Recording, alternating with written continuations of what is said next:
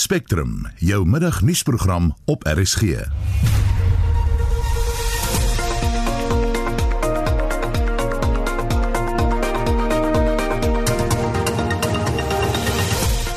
In die program nuwe maatreëls sal geld by stembusse om mense veilig te hou teen COVID-19. Tieners kan hulle laat in en sonder hulle ouers se toestemming en 'n drywende sonpaneelprojek word in die Kaap op die proef gestel. The floating solar panels being close to water are more efficient because of the cooling factor. Goeiemiddag, welkom by Spectrum. My naam is Susan Paxton.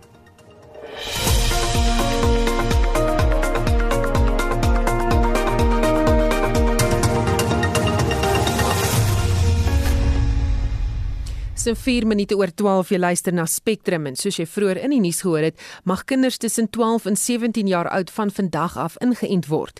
Die waarnemende direkteur-generaal van die Departement van Gesondheid, Nicholas Crisp sê, kinders is sedert 2005 by magte om toestemming te gee vir hulle eie mediese sorg.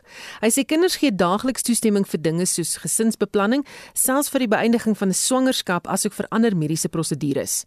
Crisp het gereageer op ouers wat bekommerd is dat kinders teen COVID-19 ingeënt kan word sonder die toestemming van 'n ouer of 'n voog.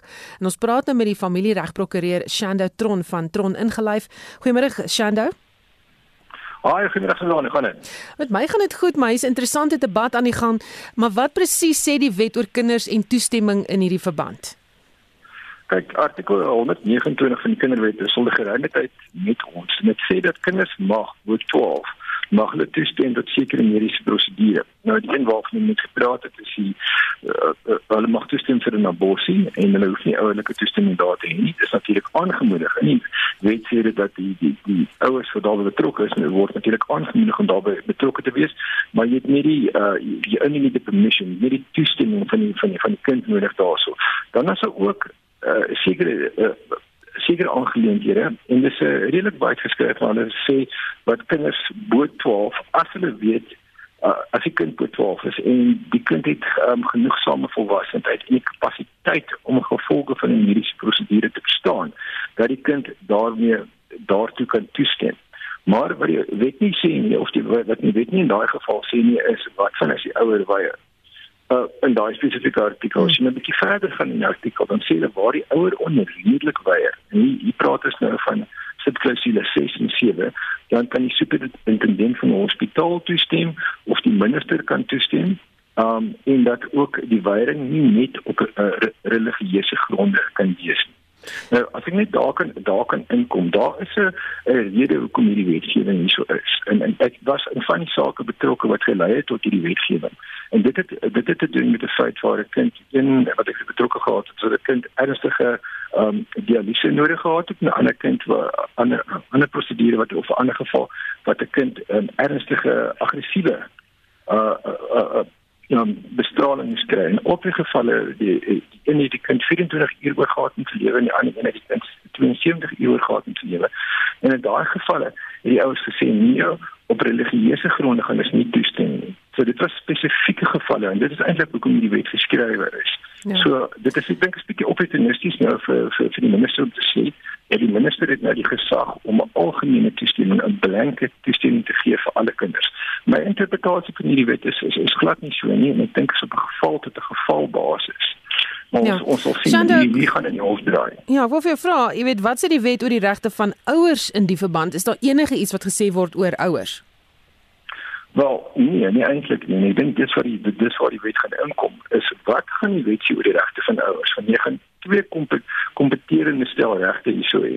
Jy gaan een stel regte hê wat sê dat um die die belang van die kind en of die kind wat nou sê ek het vrye keuse en in 'n ander geval het jy nou ook die uh, die die belang van die ouers. Die ouer het gaan sê maar luister, ek is nie van gemaklik met met uh, die prosedure nie ek voel nie gemaklik met wat van die nuwe effekte kan wees nie en sien maar daar is nou komplikasies um, wie gaan die die die mediese koste optel hiervoor So ja. so daar is argumente albei kante toe, maar Susan as ek mag, ek verstaan waarom die regering dit doen.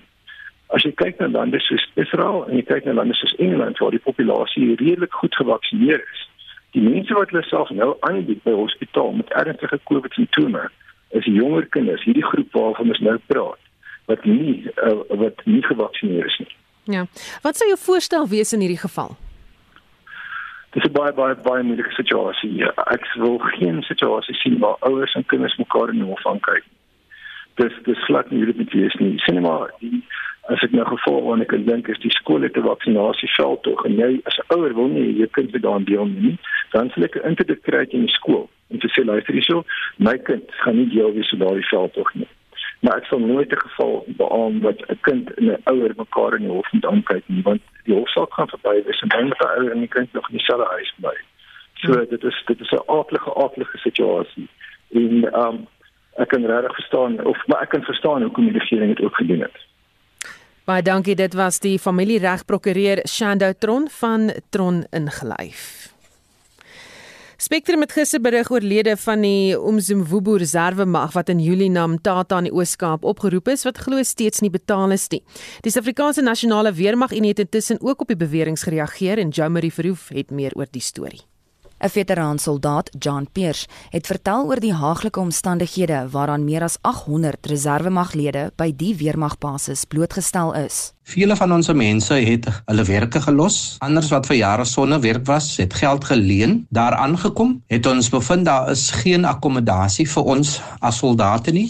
Ons het toe maar tente opgeslaan. Ons het geen komberse gehad nie, geen matrasse nie en ons het maar op die kaal beddens gelê en ons myself gemaklik gemaak. Ons se voedsel was haglik. Die ablusie fasiliteite was in so sulke haglike omstandighede voor ons dit gebruik het, het ons dit elke keer skoon gemaak. Maar ons kon dit ook net tot op 'n sekere tyd doen toe daar nie meer water op die basis was nie. Baie van ons moes toe onsself gaan verlig in die bos. Ons was beloof dat ons betaal sal word vir die tyd wat ons daar is. Tot op hede was ons nog nie betaal nie. Ons het ook beloftes gekry dat daar vir ons elke maand sal ons opgeroep word vir 15 dae 'n maand sodat daar da weerskepping gestig kan word. Dit is ook nie tot ware gebring nie. In reaksie op Pierre se beweringe sê die nasionale sekretaris by Sanwu, Pikkie Greef, dat niemand die mag het om beloftes oor werksgeleenthede binne die weermag te maak nie die aangeleentheid wat opgenoem het soos byvoorbeeld dat daar beloftes gemaak word dat mens vir 'n bepaalde tydperk opgeroep sal word in die toekoms.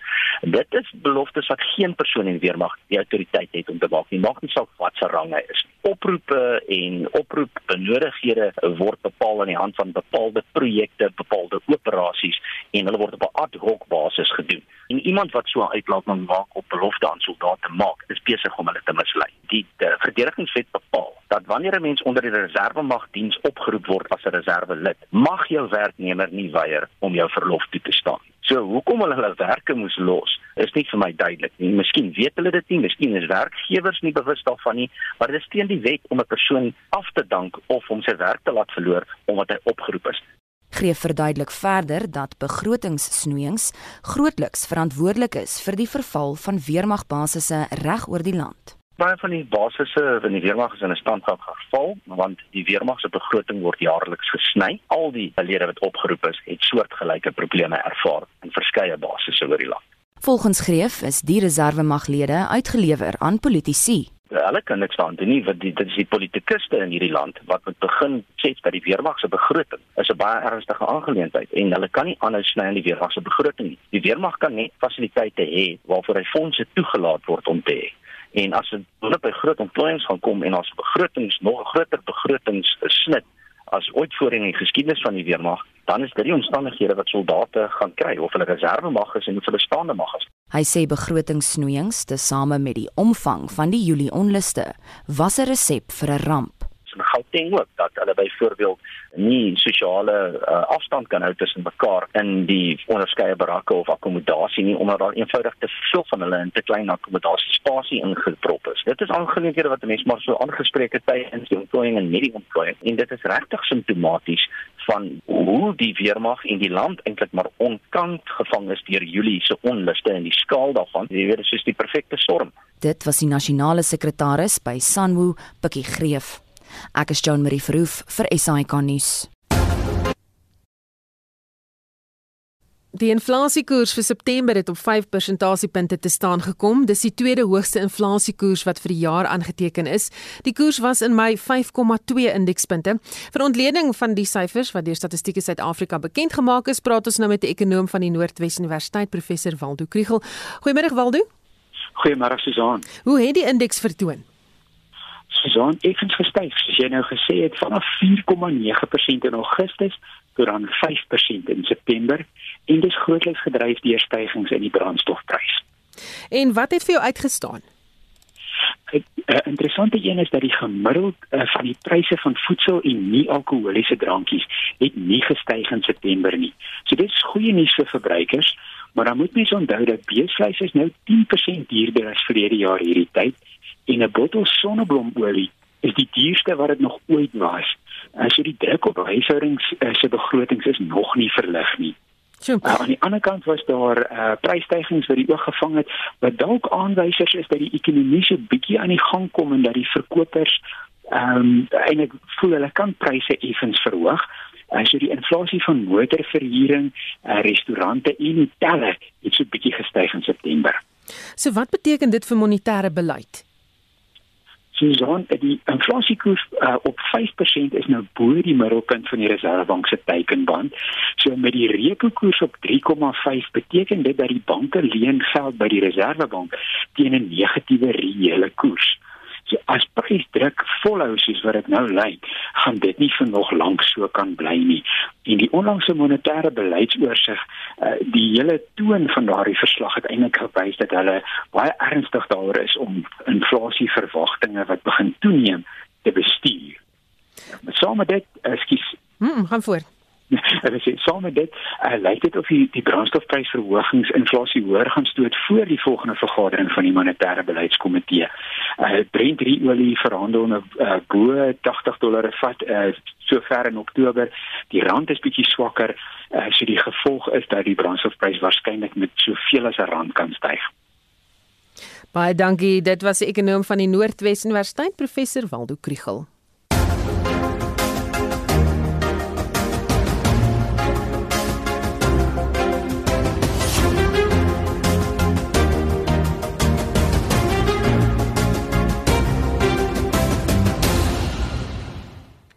Die Al-Jamaa party sê hy sal die onteiening van grond sonder vergoeding instel as hy beheer wen oor die Kaapstad Metro in die opkomende plaaslike regeringsverkiesing. Dit was die boodskap van die partyleier Ganie Vendriks aan die SAIK in 'n eksklusiewe onderhoud oor sy verkiesingsmanifest. Es de Klerk het meer besonderhede. Hendrik sê Kaapstad is die ideale plek om grondonteiening sonder vergoeding te begin toepas. We feel that Cape Town is the ideal place to start expropriation of land without compensation, but state land. At the same time, land in white areas which belong to the state via municipalities, you feel is not enough land. We'll have high rise buildings to make sure that every matriculant will get a title deed because there's enough land and there's enough space in Cape Town for that. It is not a pipe dream. Yeah. We've done the number crunching. We spoke to town planners, we spoke to experts, and they told him no, there's enough land. Hendrik sê hoewel sy politieke party in 'n moskee tot stand gekom het, is dit nie godsdienstig van aard nie. Hy sê sy party sukkel om moslem kiesers te ooreed om vir die party te stem en die meeste kiesers is van ander gelowe. Hy sê 60% van die meer as 1000 kandidaate van die party wat in die verkiesing staan, is nie moslem nie. If you look at the voting patterns, they vote for the DA. Because they have been so oppressed over the years, they still see the white man as their boss. So those Muslims still vote for the DA because they still have that boss. Man, that's my boss. We will vote for the white man. So we had to struggle against it. When Al Jamal was formed, the Muslims still voted for the DA. And it was a big problem. Hendrik sê alhoewel sy party die regte van die LGBTQI gemeenskap ondersteun, kan hulle nie hulle saak bevorder nie weens die oortuigings van hulle geloof. Hy sê wel die party het ondersteuners van die gemeenskap. We tell them you have leaders, you advance your cause using our platform. Don't expect me from another platform with different views, opposing views to fight your cause. Fight your own battles but use our platform. Hendrik sê hy is gekant teen 'n koalisie, maar hoop om medebeheer in die metro. Indien sy party 14 setels in die Kaapstad se metro kan inpalm, wil hy die burgemeester wees. Hy het die belangrikheid beklemtoon dat beleid ontwikkel moet word om te voorsien in die basiese behoeftes van die publiek. Die verslag is saamgestel deur Lolama Matja en ek is Estie de Klerk vir SAK nuus. Ons bly by die storie politieke ontleder en dosent aan die Port Elizabeth se College vir verdere onderwys en opleiding, Calvin Knowles, verduidelik waar die party die meeste ondersteuning geniet. Hulle grootste ondersteuning basisse is basies jou jou, jou moslimgemeenskappe wat veral sterk is uh, op die Kaapse vlakte en ook in Johannesburg en jy weet ons dink byvoorbeeld aan Namibië.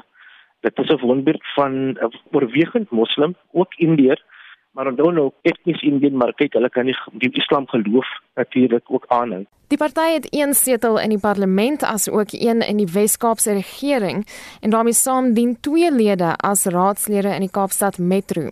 Die partyleier Ganie Hendrik sê hulle wil nie noodwendig in koalisies betrokke raak nie. Dit is 'n baie klein party en vir kleiner partye om hulle stem te laat hoor of om ons sê om hulle beleid meer aandag te laat kry is dit adviserend vir hulle. Dit is eintlik uh, voordelig vir hulle om hulle beskikbaar te stel om deel van koalisies te word. Dit is nie noodwendig dat hulle hul ondersteuningsbasis sal ehm um, verklein nie. Hiermee saam glo hy nie dat die party noodwendig as koningssalwer vorendag sal kom nie. Mens weet nooit nie. Miskien in Johannesburg maar ek twyfel baie sterk. Al die idee, die idee is sterk in die wetenskap en hulle gaan een inboet, maar ek glo net gaan van so hulle so mate steen inboet dat hulle byvoorbeeld gaan moet kyk na partye, klein partye soos Alzamani. Wat die party se houding eens die LGBTQ+ gemeenskap betref, sê die party probeer om uitsonder van stereotypiese en fundamentalistiese partye wat op geloofsbeginsels gestig is. Hulle beweeg weg van hierdie stereotype of idee dat hulle verskriklik eng islamities is. Jy weet amper soos hulle hulle is nie 'n tipiese Al-Qaeda of of of ISIS nie.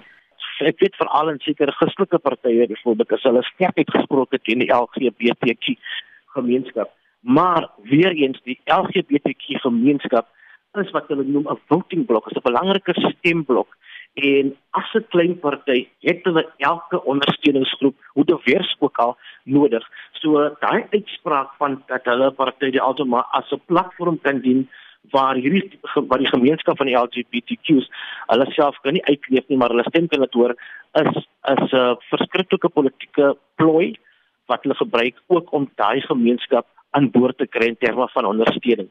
Hy sê kleiner partye soos die wat hom veral op moslim en bruin gemeenskappe toespits, speel 'n belangrike rol in die samelewing. Deel van die gemeenskap wat wat verskriklik erg voel oor oor geloof of wat ook al mag wees en besef dat met hul stem as 'n geloof of wat nou Islam is of wat nou die Christendom is, kan hulle verandering meebring.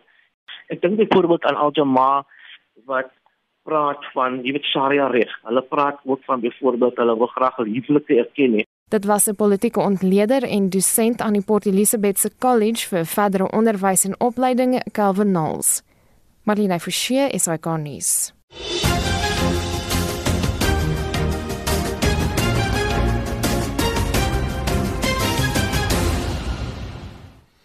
Die situasie in Eswatini is steeds gespanne. Inwoners van Suid-Afrika se buurland wil 'n demokrasie hê en is besig met grootskaalse betogings teen koning Mswati III en sy heerskappy. Tembenkosi Dlamini van Oxfam Suid-Afrika sê die koning gebruik nou die polisie en weermag teen sy eie mense. It must be introduced instead of the current system of Tinkundla where the king Mswati the third has absolute power He controls the legislature, the judiciary, and the executive arm of government.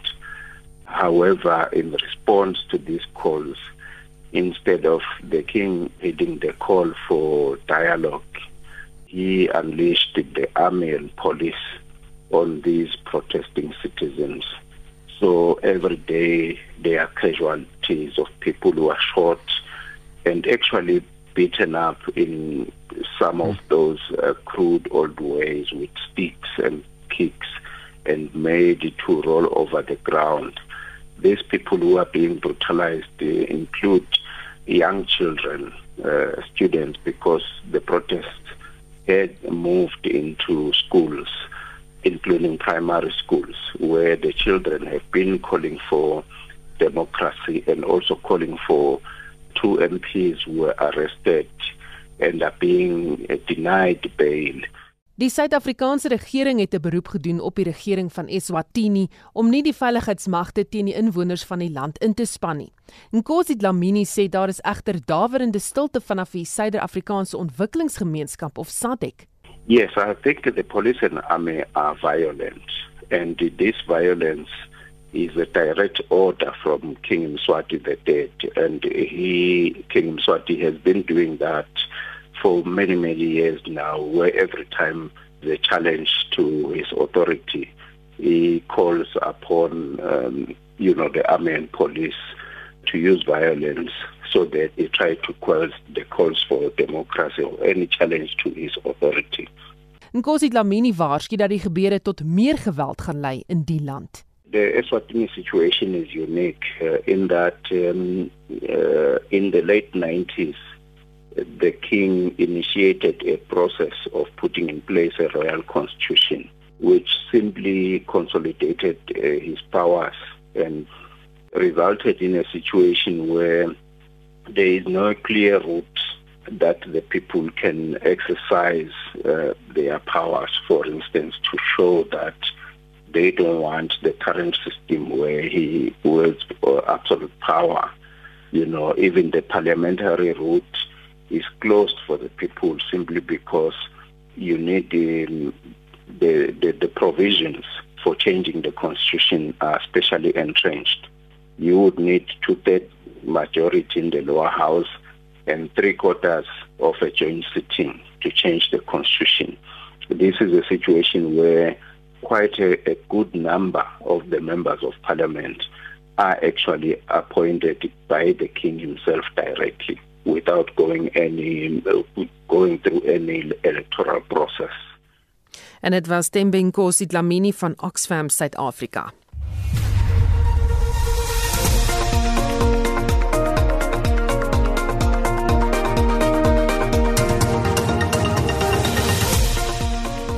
Later in Spectrum hoor insetkoste knel boerdery al erger. Ons vind meer uit uh, hoe die stemproses op 1 November gaan werk en net hierna kry ons die jongste nuus van die T20 Cricket Wêreldbeker. Bly ingeskakel.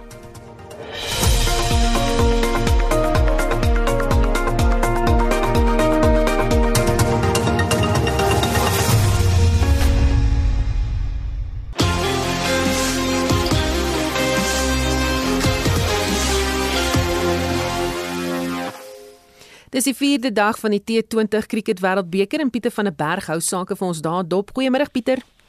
Maar dan sê Susan, ja, kan jy glo dis al dag 4 nou, gister op dag 3 met 'n vinnige herhaling wat daar gebeur het. Skotland, hulle het daar vir Papua Nieu-Guinea geklop met 17 lopies en dan net eh, Bangladesh 'n oorwinning behaal van 26 lopies oor Oman. Vandag is dit uh, die twee uh, wedstryde in groep A wat gespeel word in Abu Dhabi. Die eerste wedstryd red aan die gang Nederland, hulle speel teen Namibië en dis Nederland wat die eerste kolf. Dit is Namibië wat die lood gewen het en hulle het besluit om veldwerk te doen en dit gaan sommer goed met Nederland wat tans besig om te kolf. Hulle staan op die oomblik op 55 vir die verlies van net een paaltjie na 7.1 bilbeerde. Ja, hulle kolf sommer lekker en die lopies vloei van die kolf op Max O'Dowd.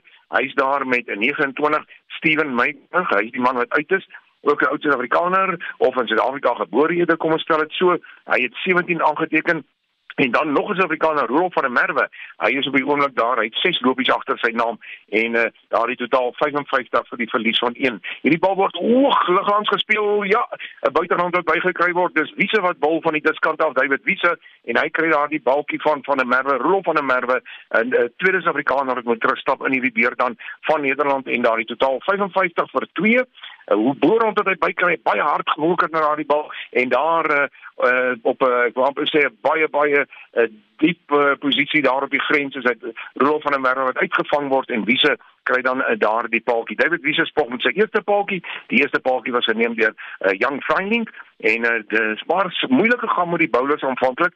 Darren Scholes in twee balbeurte 13 afgestaan. David Wiese Wiese hy's besig met sy tweede reeds 11 lopies afgestaan. Uh, Ruben Trimpelman in sy een balbeurt 10 afgestaan en Jan Freinding hy het 12 afgestaan in sy twee balbeurte en uh, JJ Smit hy het 9 afgestaan in sy een balbeurt. So dit is 'n uh, goeie loopie tempo.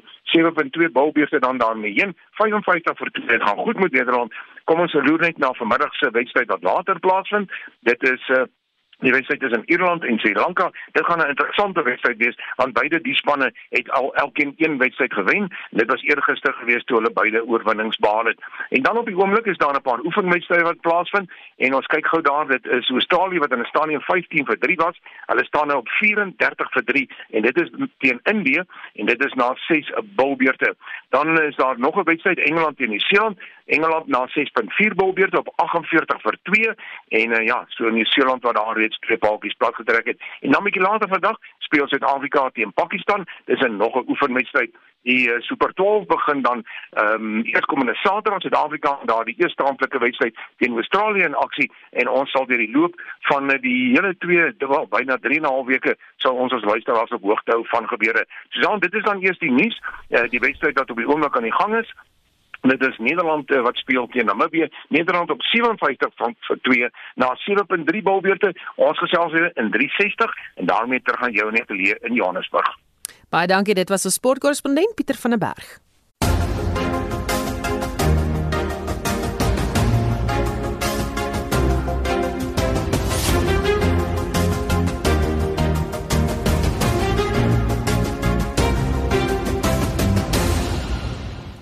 Terug na nuus oor die verkiesing. Nuwe voorsorgmaatreëls sal op verkiesingsdag deur die verkiesingskommissie ingespan word om die verspreiding van COVID-19 te beperk.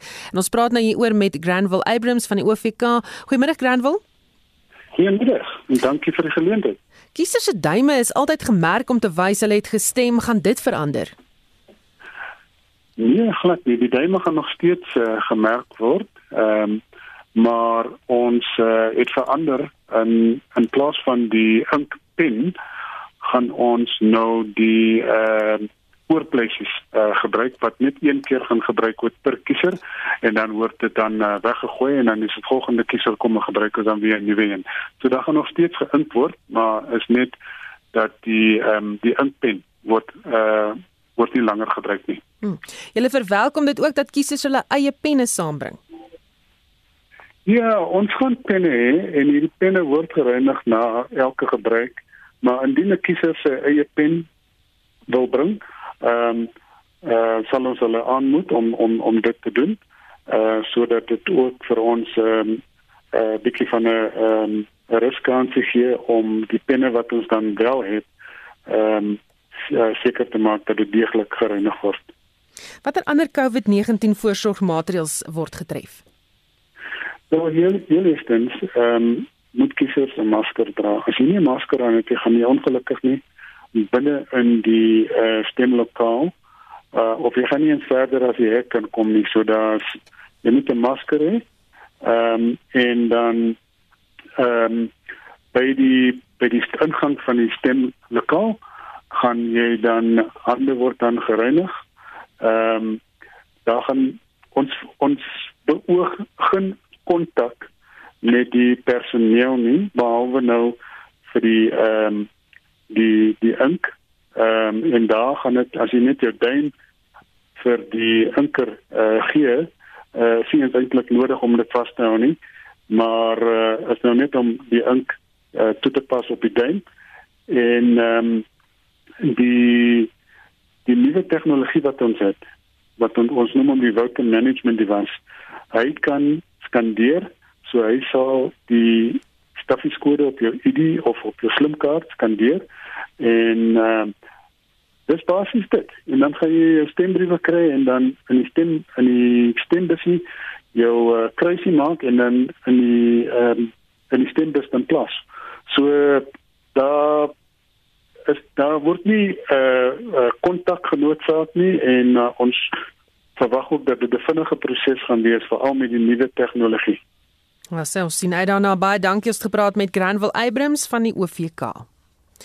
Die mites wat politieke opponente in elke verkiesingsveldtog teen mekaar gebruik is, 'n onding en kiesers moet eerder op geloofwaardige bronne van inligting staatmaak. So meen twee verkiesingskundiges met wie Hendrik Weingart gepraat het. Die onafhanklike verkiesingsontleder Dawie Skol sê een van die grootste mites in die plaaslike politiek het te doen met wie vir die DA stem en wie nie. Dit is wel waar dat die DA se grootste steun van wit kiesers kom, sê hy. Maar die een ding wat nie waar nie is nie is om te sê dat net wit kiesers DA stem. So ek dink as jy byvoorbeeld in die Weskaap kyk na plekke soos Mitchells Plain, Athlone en so voort, het die DA ook oorwegend daar baie goed gedoen gewen. So ek dink onder veral brandkiesers in die Weskaap, wen die DA bever die meeste stemme. So ek dink in 2019 was dit 70 of 80% van die stemme in baie gebiede gewees. En dieselfde is in byvoorbeeld in Gauteng en byvoorbeeld in northern suburbs van Nelsonville Bay en voort. Eerwaarde Courtney Sampson wat voorheen hoof van die verkiesingskommissie in die Weskaap was, lewer hier kommentaar as 'n onafhanklike ontleder.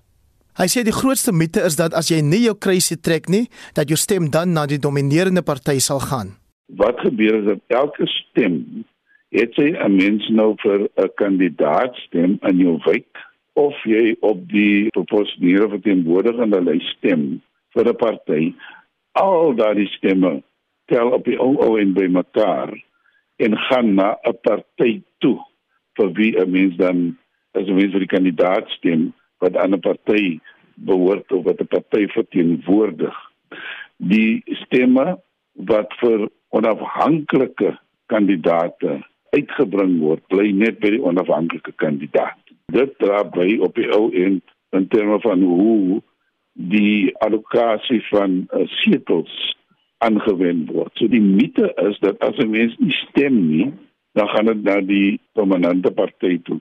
Dis nie waar nie. Skool sê politieke mites word dikwels deur persepsies gedryf. Ek dink in die Weskaap praat mense altyd van die DA hoor van te sê hulle hulle weet het uitstekende dienslewering en dan hou die ANC daarvan om te sê dat die DA se dienslewering eintlik net vir ryk mense is en nie vir arme mense. En wie nou reg is op daai debat is gaan oor persepsies en oor verskillende perspektiewe uit die aard van die saak. En ek dink mense sou nie sê die DA fouteer of doen enigiets oneties in wat hulle sê nie. En dieselfde gaan vir die ANC geld. Tensy jy nou regtig harde feite het wat absolute totale feite is wat ons glad nie kan bevraagteken nie. So ek sê is maar grys areas wat aanvaarbare grys areas is in die politiek. Samson glo wat hiermee sal help is as partye verbied word om ander partye se name byvoorbeeld op hul veldtogplakate te gebruik. Hy sê groter klem behoort eerder op die individuele optrede van kandidaate geplaas te word. So ek dink ons moet fokus met meer beweeg na eerlikheid, opregtheid en integriteit toe, liewer as om ander mense af te kraak en hoop dat dit vir jou gaan beter laat lyk. Dit was eerwaarde Courtney Sampson, 'n onafhanklike politieke kommentator. Die volledige gesprek oor verkiesingsmeters tussen hom en die onafhanklike verkiesingsontleder Dawie Skols word Sondag aand om 8uur op kommentaar uitgesaai. Hendrik Weingart vir SAK nuus.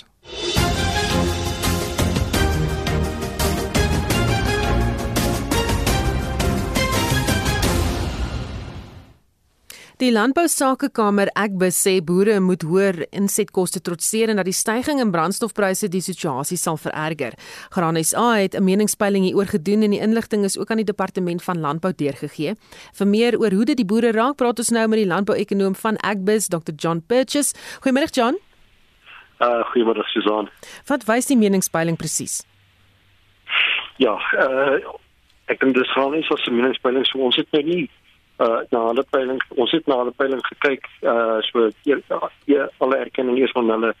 Ek ek dink as ons net eers kyk na die kunsmis en na die chemikalieë dan is die pryse gemiddeld uh en dit varieer natuurlik van produk tot produk uh, hier na 30 na 40% hoër as die dieselfde tyd verlede jaar. Uh en dit is 'n wêreldwye tendens en dan sien ons ook nou dat uh, diesel um, diesel en petrolpryse natuurlik opgaan en diesel is ongelooflik belangrik in die plantseisoen wat ons nou net betree het uh, vir die somergewasse. Uh en die dieselprys gaan met 1.41 sent per liter op. Ehm um, in die volgende maand so uh, en dit is ook nou Oktober November is, is tradisioneel baie hoë verbruiksmaand met die plantery en die smeer. So ons sien die boere is onder geweldige druk met met insetkoste. Uh maar ten minste is die toestande vir plant uh, redelik gunstig op hierdie stadium en die plantseisoen het, het redelik goed afgeskop en die vooruitsigte vir die jaar lyk ook goed en uh, produkpryse lyk daarom ook redelik goed. So uh, terwyl ons hierdie geweldige druk het met met insetkoste uh is dit nie uh alles net sleg nie. Daar is daar 'n goeie vooruitsigte en die voornemens om te plant lyk ook redelik goed. Hmm. Dis 'n wêreldwye tendens dat die druk op produsente verhoog. Sal dit plaaslike of sal plaaslike boere soog onder die druk? Nee, ek dink nie so nie. Ek dink ons het ons het verlede jaar het ons gesien dat die, ja, die boere het met laer uh, insetkoste en hoë produkpryse eintlik baie goed gedoen en en en en kon baie van hulle hulle balansstate aansienlik opbou en en, en skulddelg en in 'n beter posisie kom. So produsente is is is is uh, tans in 'n beter posisie as wat hulle voorheen was, veral die graanprodusente. Maar natuurlik ehm um, uh, hoop ons dat dat ons weer goeie oeste kan kry. Verlede jaar het ons goeie oeste en goeie pryse gehad. As ons die pryse uh, so kan gehandhaaf kry hou uh, en dit hang af maar van die wêreldmarkte af. Uh, en natuurlik dat, dat ons uh, voldoende reën kry. Nou hulle voorspel 'n La Nina wat gewoonlik vir ons meer gunstige reëntoestande bied. So die ten minste lyk die vooruitsigte redelik goed. Ek kan net sê uh, La Nina beteken ook uh, droër toestande in Suid-Amerika wat ons baie duidelik sien uh, in meer dinge so Brasilië en Argentinië kry swaar uh, in hierdie droogte. En um, dit, skep ook vir ons geleentheid want want die wêreldvoorrade bly uh, redelik uh, skraps. Uh, die vraag na voedsel uh, veral sojabone na na China toe bly hoog. So die die die wêreldmarkte bly goed. So ons ons hoort uh, ons produsente hoort uh, nog steeds uh, wil sien te kan produseer meer in deels Baie dankie dit was die landbouekonoom van die Landbou Sakekamer Agbus Dr John Purchase Die Kaapstad Metro het 'n drywende sonpaneelproefprojek by die Kraaifontein rioolbehandelingswerke bekend gestel. Sonpanele is op die water geïnstalleer. Die water wat verdamp en energie wat met die panele opgewek word, kan sodoende gemeet word en Essie de Klerk het gaan uitvind hoe dit werk. Die projek is deel van die Kaapstad Metro se klimaatsveranderingsstrategie om teen 2030 al sy fasiliteite koolstofneutraal te hê. Die metro het die proefprojek aangepak in samewerking met die privaat maatskappy Floating Solar, die Waternavorsingskommissie en die Universiteit van Kaapstad.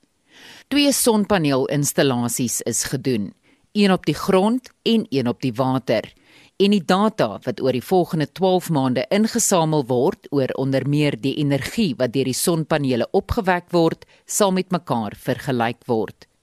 Die doeltreffendheid van die sonpanele om te verhoed dat water verdamp sal ook ondersoek word, sê direkteur van Floating Solar, Pieter Vandel. The, the primary purpose is to investigate, you know, what evaporation savings are we getting, so we can share that with the market. And the secondary part is, you know, floating solar panels being close to water are more efficient because of the cooling factor. So we're testing the relative efficiency between a land-based PV system and a floating solar PV system. Hy sê 'n verslag sal na die 12 maande tydperk saamgestel word. The purpose of that will be to be able to share information with the, the market on the benefits of floating solar, but particularly quantifying how much water we're saving, which is a key component of the system.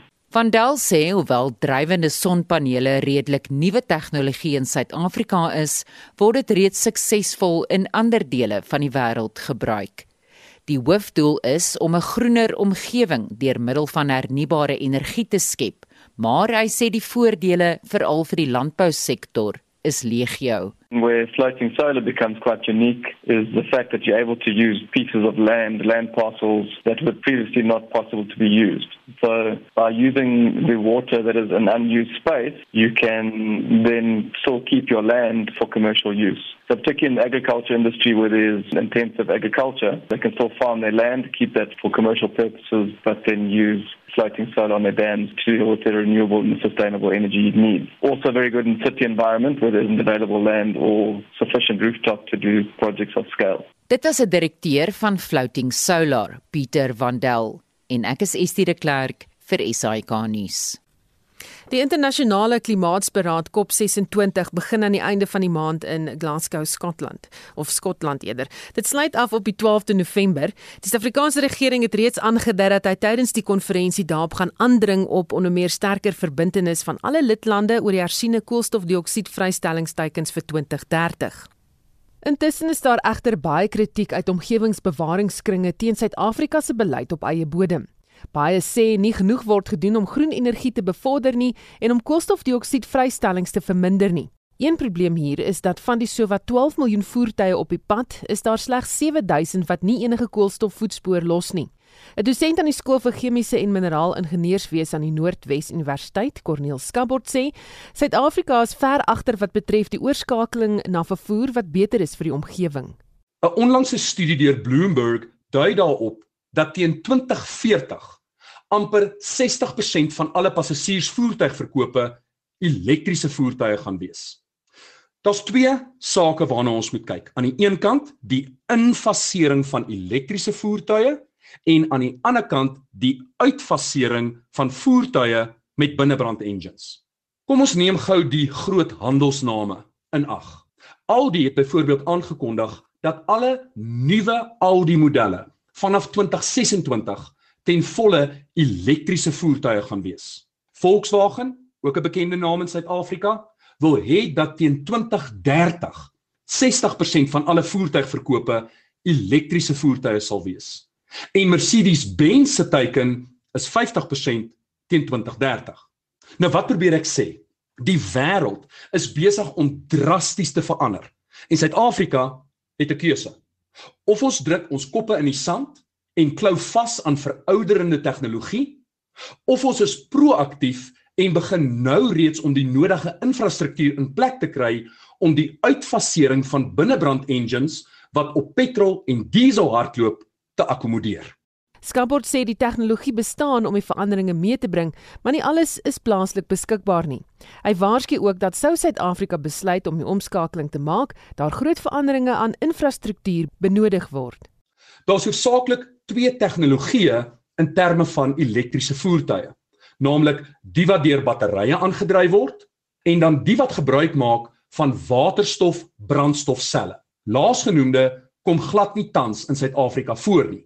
So die enigste opsie is battery aangedrewe voertuie soos die BMW i3, die Jaguar I-Pace, die Porsche Taycan en die Mini Cooper SE.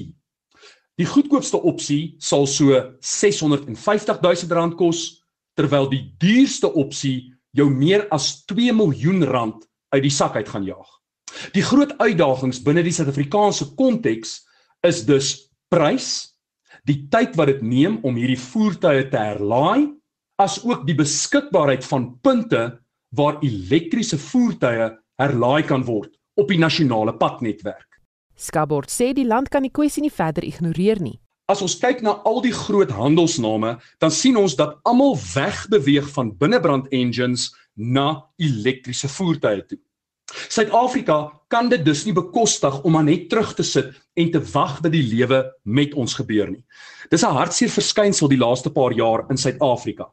Ons is bewus van probleme op die horison, maar tog doen ons niks daaraan in die hier en nou nie. En gevolglik betaal ons die prys daarvoor. Of dit nou beurtkrag is of dit nou dag 0 is, al daardie probleme is die gevolg van swak beplanning en 'n gebrek aan duidelike visie. Skamport sê die omskakeling is 'n baie goeie manier om byvoorbeeld werkskepping in die land te bewerkstellig as die regering die geleentheid aangryp. Daar is 4 areas waarna ek vinnig kan dink. Eerstens, die batteryvervaardigingssektor in Suid-Afrika. Hierdie industrie het baie ruimte vir groei en ontwikkeling en hierdie batterye sal nie net gebruik word vir elektriese voertuie nie, maar ook nouliks saamwerk met hernubare energie. Tweedens, die hele groen waterstof-ekonomie. Nou groen waterstof hou verband met waterstof wat vervaardig word deur middel van hernubare energie. Suid-Afrika sit met 80% van die wêreld se platinumreserwes. En platinum is noodsaaklik vir die vervaardiging van waterstof brandstofselle. So dis die tweede area waar Suid-Afrika werk kan skep. Derdens, die plaaslike voertuigvervaardigingssektor. Hierdie sektor moet begin om elektriese voertuie op eie bodem te vervaardig. En dan die vierde area waar ek die meeste opgewonde is. Elektriese voertuie het elektrisiteit nodig. So hernubare energie kan hierso 'n groot rol vervul. En die wonderlike voordeel hiervan is perpleks dat Suid-Afrika ten duurste ruolie hoef in te voer vanuit die buiteland. Onthou Suid-Afrika het nie natuurlike ruoliebronne nie. Beteken dit dat daardie geld binne Suid-Afrika bly en ons eerder die totale vloot van voertuie in Suid-Afrika kan aandryf deur plaaslik vervaardigde elektrisiteit. En dit was 'n dosent aan die skool vir chemiese en mineraalingenieurswese aan die Noordwes Universiteit Corneel Skabort. Vandag se sake nuus word aangebied deur Robert Cameron, portefeuljebestuurder by Fisher Dugmore Sekurititeite. Goeiemôre Robert. Goeiemôre Susan, goeiemôre luisteraars. Ons plaaslike mark uh, verloor vel vandag met die algehele indeks wat so 0,4% of uh, 290 punte verloor. Hy staan tans op 66490 punte. Die top 40 indeks staan ook klaar met 0,4%, die Hulbron indeks af met 1,4%, die Navrats indeks agter is beter met uh, 0,4% en dan die finansiële indeks verloor uh, 0,4%. Uh, ons kyk na enkele aandele Naspers sterker met 1,9%, uh, 2685 rand, uh, Prosus sterker met uh, 2,35%, 1320 rand. Uh Anglo Gold Ashanti sterker met 1,8%, so 275 rand 50. Dan die verloorkant sien ons BHP af met 1,9%. 90 rand 20 en dan uh, Tungela uh, af met 7% op 74 rand 40. Uh die rand uh op hierdie stadium uh, sterker vandag 14.51 teenoor die Amerikaanse dollar 16 rand 88 teenoor die euro en 'n Britse pond kos jou so 19 rand 97 kommoditeite die gatprys 1778 dollar per fyn ons platinum prys uh, 1044 dollar en dan die Brent olieprys uh, swakker met so 1% uh, so 84 dollar 20 per vatjie Oornag sien ons die Dow Jones verloor so 0,4%. Die groot Europese markte eintlik uh, redelik onveranderd vandag. Die FTSE 100 in Londen is onveranderd. Die DAX in Frankfurt verbeter uh, marginaal met 0,1% en die CAC 40 in Parys verswak so 0,1%. Baie dankie. Dis die einde van vandag se sake nuus. En dit was Robert Cameron, portefeuljebestuurder by Fisher Dugmore Sekuriteite. Jamari sit gereed met die jongste nuusopsomming en 'n kykie na sosiale media nuus. Jamari, goeiemôre. Die Universiteit van Kaapstad het in beginsel homself voorgenem om die COVID-19 inenting verpligtend te maak vir enige iemand wat toegang tot die kampusse wil hê. Die universiteit se woordvoerder, Elijah Moholola, sê dit sal vanaf volgende jaar geïmplementeer word. The UCT Council has approved in principle a proposal requiring that all staff as a condition of being able to perform their duties and all students as a condition of registration provide acceptable proof of having been vaccinated against COVID 19. This will take effect as from 1 January 2022. Staff and students were invited to complete a short survey, and the majority of staff and students who completed the survey supported the proposal. Kinders tussen 12 en 17 jaar oud kan van vandag af ingeënt word met of sonder hulle ouers se toestemming. Die familieregprokureur Shando Tron sê egter die regte van ouers is steeds onduidelik wat gaan die wet oor die regte van ouers? Want jy gaan twee kompeterende stel regte hierso hê. Jy gaan een stel regte hê wat sê die belang van die kind en of die kind wat nou sê ek het vrye keuse en in 'n ander geval het jy nou ook die belang van die ouers. Die ouers gaan sê maar luister, ek is nie van gemaklik met met prosedure nie, ek voel nie gemaklik met wat van die nuwe effekte kan wees nie. En sien maar daar is nou komplikasies. Wie gaan die mediese koste optel hiervoor? In ander nuus, vier kinders is naby Bendor in Polokwane ontvoer. Daar word berig dat die kinders van wie die oudste 15 jaar oud is, vanoggend naby hulle skool ontvoer is. 'n Reuse polisie soektog is begin. Die motor waarin die kinders saam met die kapers gesien is, is intussen verlate gevind op die N1 verbypad net buite Louis Trichardt. Op sosiale media is die hitsmerke Arthur Fraser en Zondo al is al sedert gisteraand gewilde besprekingspunte. Die voormalige spioenbaas Arthur Fraser het beswaar gemaak teen die benoeming van regter Raymond Zondo as die volgende hoofregter van die konstitusionele hof. In 'n brokkie sportverwante nuus is die voormalige Australiese toetskriketspeler Michael Slater vroeër vandag in hegtenis geneem in verband met beweerde gesinsgeweld en die hitsmerk Senzo Mayiwa is al 'n geruime tyd bo aan Twitter se lys van gewilde onderwerpe. Dit nadat die polisie bevestig het dat die vermeende sluipmoordenaar Fisel Kuhle Ntuli van KwaZulu-Natal met die moord op die voormalige Bafana Bafana kaptein in 2014 verbind word. En môreoggend in Monitor duur die verkiesingsdebatte voort. Die fokus val op die Mangaung Metro in die Vrystaat. Die deelnemers môreoggend is die ANC, die DA en die Vryheidsfront Plus as ook die EFF. Onthou om die vrae wat jy aan hulle wil stel met ons te deel. Jy kan 'n WhatsApp stemnota stuur met die woord verkiesing na 076 536 6961 of gaan praat saam op ons Facebookblad Monitor en Spectrum op RSG. En dit was Jamie Vroof. Waarna kan jy uitsien in 360 net hierna? Andre Bloem praat oor die reëls uh, oor nywerheidsoptrede wanneer dit beskermd is en die forme wat dit aanneem. En dan uh, praat Johan Rademan met Dwayne Vermeulen of hy het met hom gepraat voor hy vertrek het na Belfast in Ierland. En uh, die Springbok speler is teoreties 'n gekwalifiseerde chef, maar as gevolg van rugby kon hy nog nie die titel amptelik gebruik nie, soos jy belangstel daarin bly ingeskakel. Ons groet namens ons uitvoerende regisseur Nicoline de Wee, die redakteur Justin Genderly en produksieregisseur is Johan Pieterse. Ek is Susan Paxton. Geniet jou middag.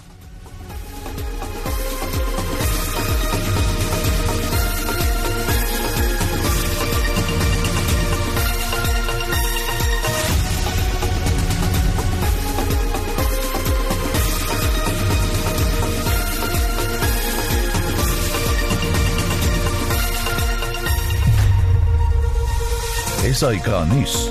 Onafhanklik, onpartydig.